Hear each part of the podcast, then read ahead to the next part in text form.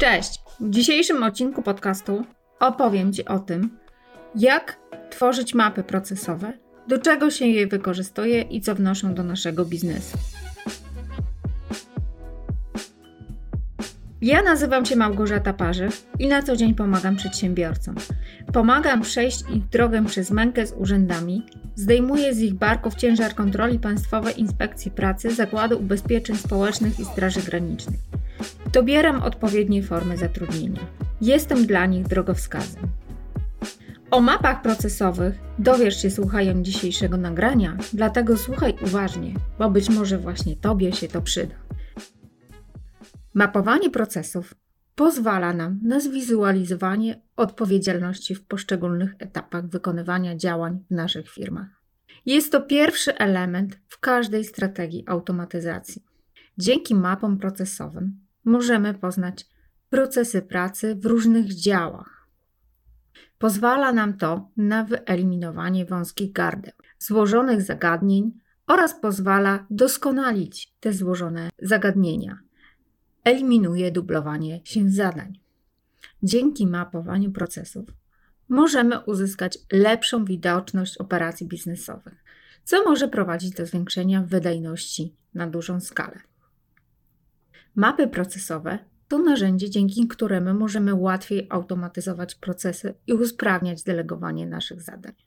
Dzięki mapom procesowym porządkujemy pracę w zespołach i w całych firmach. Doceniane są one w sytuacjach nietypowych i kryzysowych. Pozwalają, aby wyjść bez szwanku podczas interakcji. Mapy procesowe są swego rodzaju rysunkiem, na którym Wskazany jest zakres odpowiedzialności każdej osoby zaangażowanej w dane zadanie.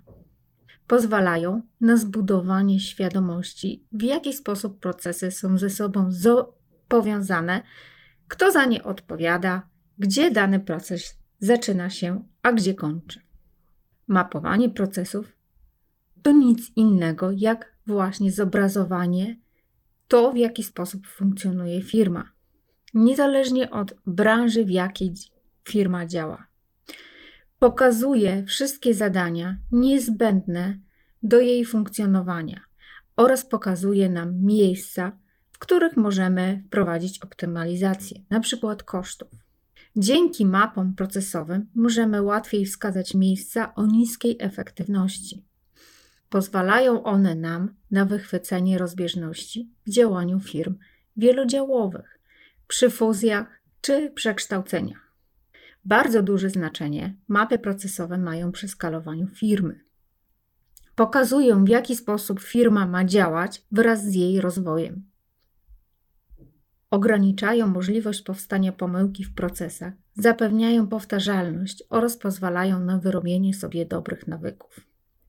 Świetnie się sprawdzają przy wprowadzaniu nowych systemów informatycznych w firmach lub usprawnianiu obecnych systemów, które posiadamy. Jakie mamy korzyści w firmie, tworząc mapy procesowe? Zmniejsza się nam ilość reklamacji, ponieważ dzięki mapom procesowym realizacja zleceń czy zamówień będzie zrealizowana prawie w ten sam sposób i w tym samym standardzie możemy uzyskać mniejszą rotację pracowników, ponieważ każdy z nich dokładnie będzie wiedział, w jaki sposób ma wykonać swoje zadania. Dzięki mapom procesowym możemy zwiększyć efektywność, poprawić lub wyeliminować nieoptymalne zadania oraz doprowadzić do tego, by były one wykonywane w sposób pełny. Zyskujemy pełną dokumentację. Unikamy sytuacji, w których dokumenty giną lub nie zawierają wszystkich wymaganych np. podpisów. Istotne informacje trafiają do osób odpowiednich i odpowiedzialnych za te zadania. Mapy procesowe wpływają na to, że mamy pełną świadomość, w jaki sposób dany proces się odbywa w naszej firmie. Mapowanie procesów daje możliwość wychwycenia rozbieżności oraz pozwala wyeliminować zbędne lub zdublowane zadania Eliminuje też złe nawyki. Daje nam możliwość określenia, dlaczego coś nie działa, lub po raz kolejny jest niedotrzymywany termin realizacji zadania czy zamówienia. Mamy możliwość zidentyfikowania problemu, zrozumienia działania osób odpowiedzialnych za te zadania i wychwycić luki procesowe. Przykładowo w postaci na przykład przekroczonych kosztów czy terminów. Mapowanie procesów zajmuje czas, ale warto go poświęcić. Dzięki temu zyskujemy przejrzystą wizję procesów i zadań. Mamy określone granice, role czy zakresy obowiązków naszych pracowników. Wszyscy w naszej firmie rozumieją, co i kiedy mają wykonać. Mapowanie procesów, uzupełnione jeszcze o procedury i instrukcje, pozwala pracować mądrzej i skuteczniej. To proste narzędzie zacieśnia pracę w zespole. Pozwala pracownikom, aby czuli spójną wizję rozwoju i podejścia do klienta. Pozwala nam optymalnie wykorzystać nasze zasoby posiadane w firmie i mieć realny wpływ na ich efektywność i funkcjonowanie. Do mapowania procesów warto zaangażować duży zespół, tak aby każdy uczestnik procesu lub przedstawiciel danego działu mógł wziąć udział w dyskusji. Ludzie w organizacjach chcą być potrzebni oraz chcą wnosić wartość do wykonywanej pracy. Pracownicy będą się identyfikować oraz proponować rozwiązania. Uświadomi to pracownikom ich rolę i znaczenie dla całego procesu oraz pokaże mechanizm działania całego zespołu w realizacji zadania czy określonego celu.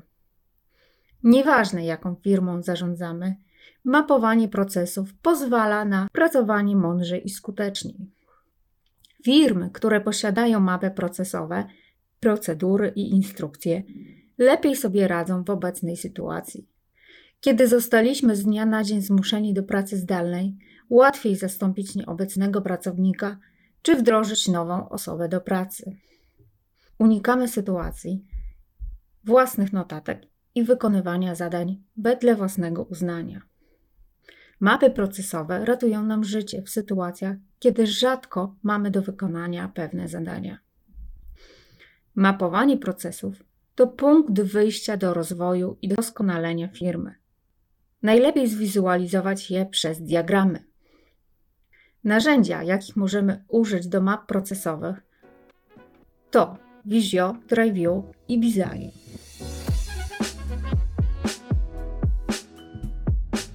Na dziś to już koniec. Mam nadzieję, że temat map procesowych stał się dla Ciebie bardziej zrozumiały. Wiesz, co to jest mapa procesowa, jakie daje nam korzyści i co zyskujemy tworząc mapy procesowe. Jeśli podobał Ci się odcinek podcastu, zapraszam na następny, który pojawi się niebawem. W kolejnym odcinku opowiem Ci o procedurach i instrukcjach. Po więcej informacji o zarządzaniu, prawie pracy czy legalizacji cudzoziemców, zapraszam Cię na mojego bloga, na moją stronę na Facebooku czy LinkedIna.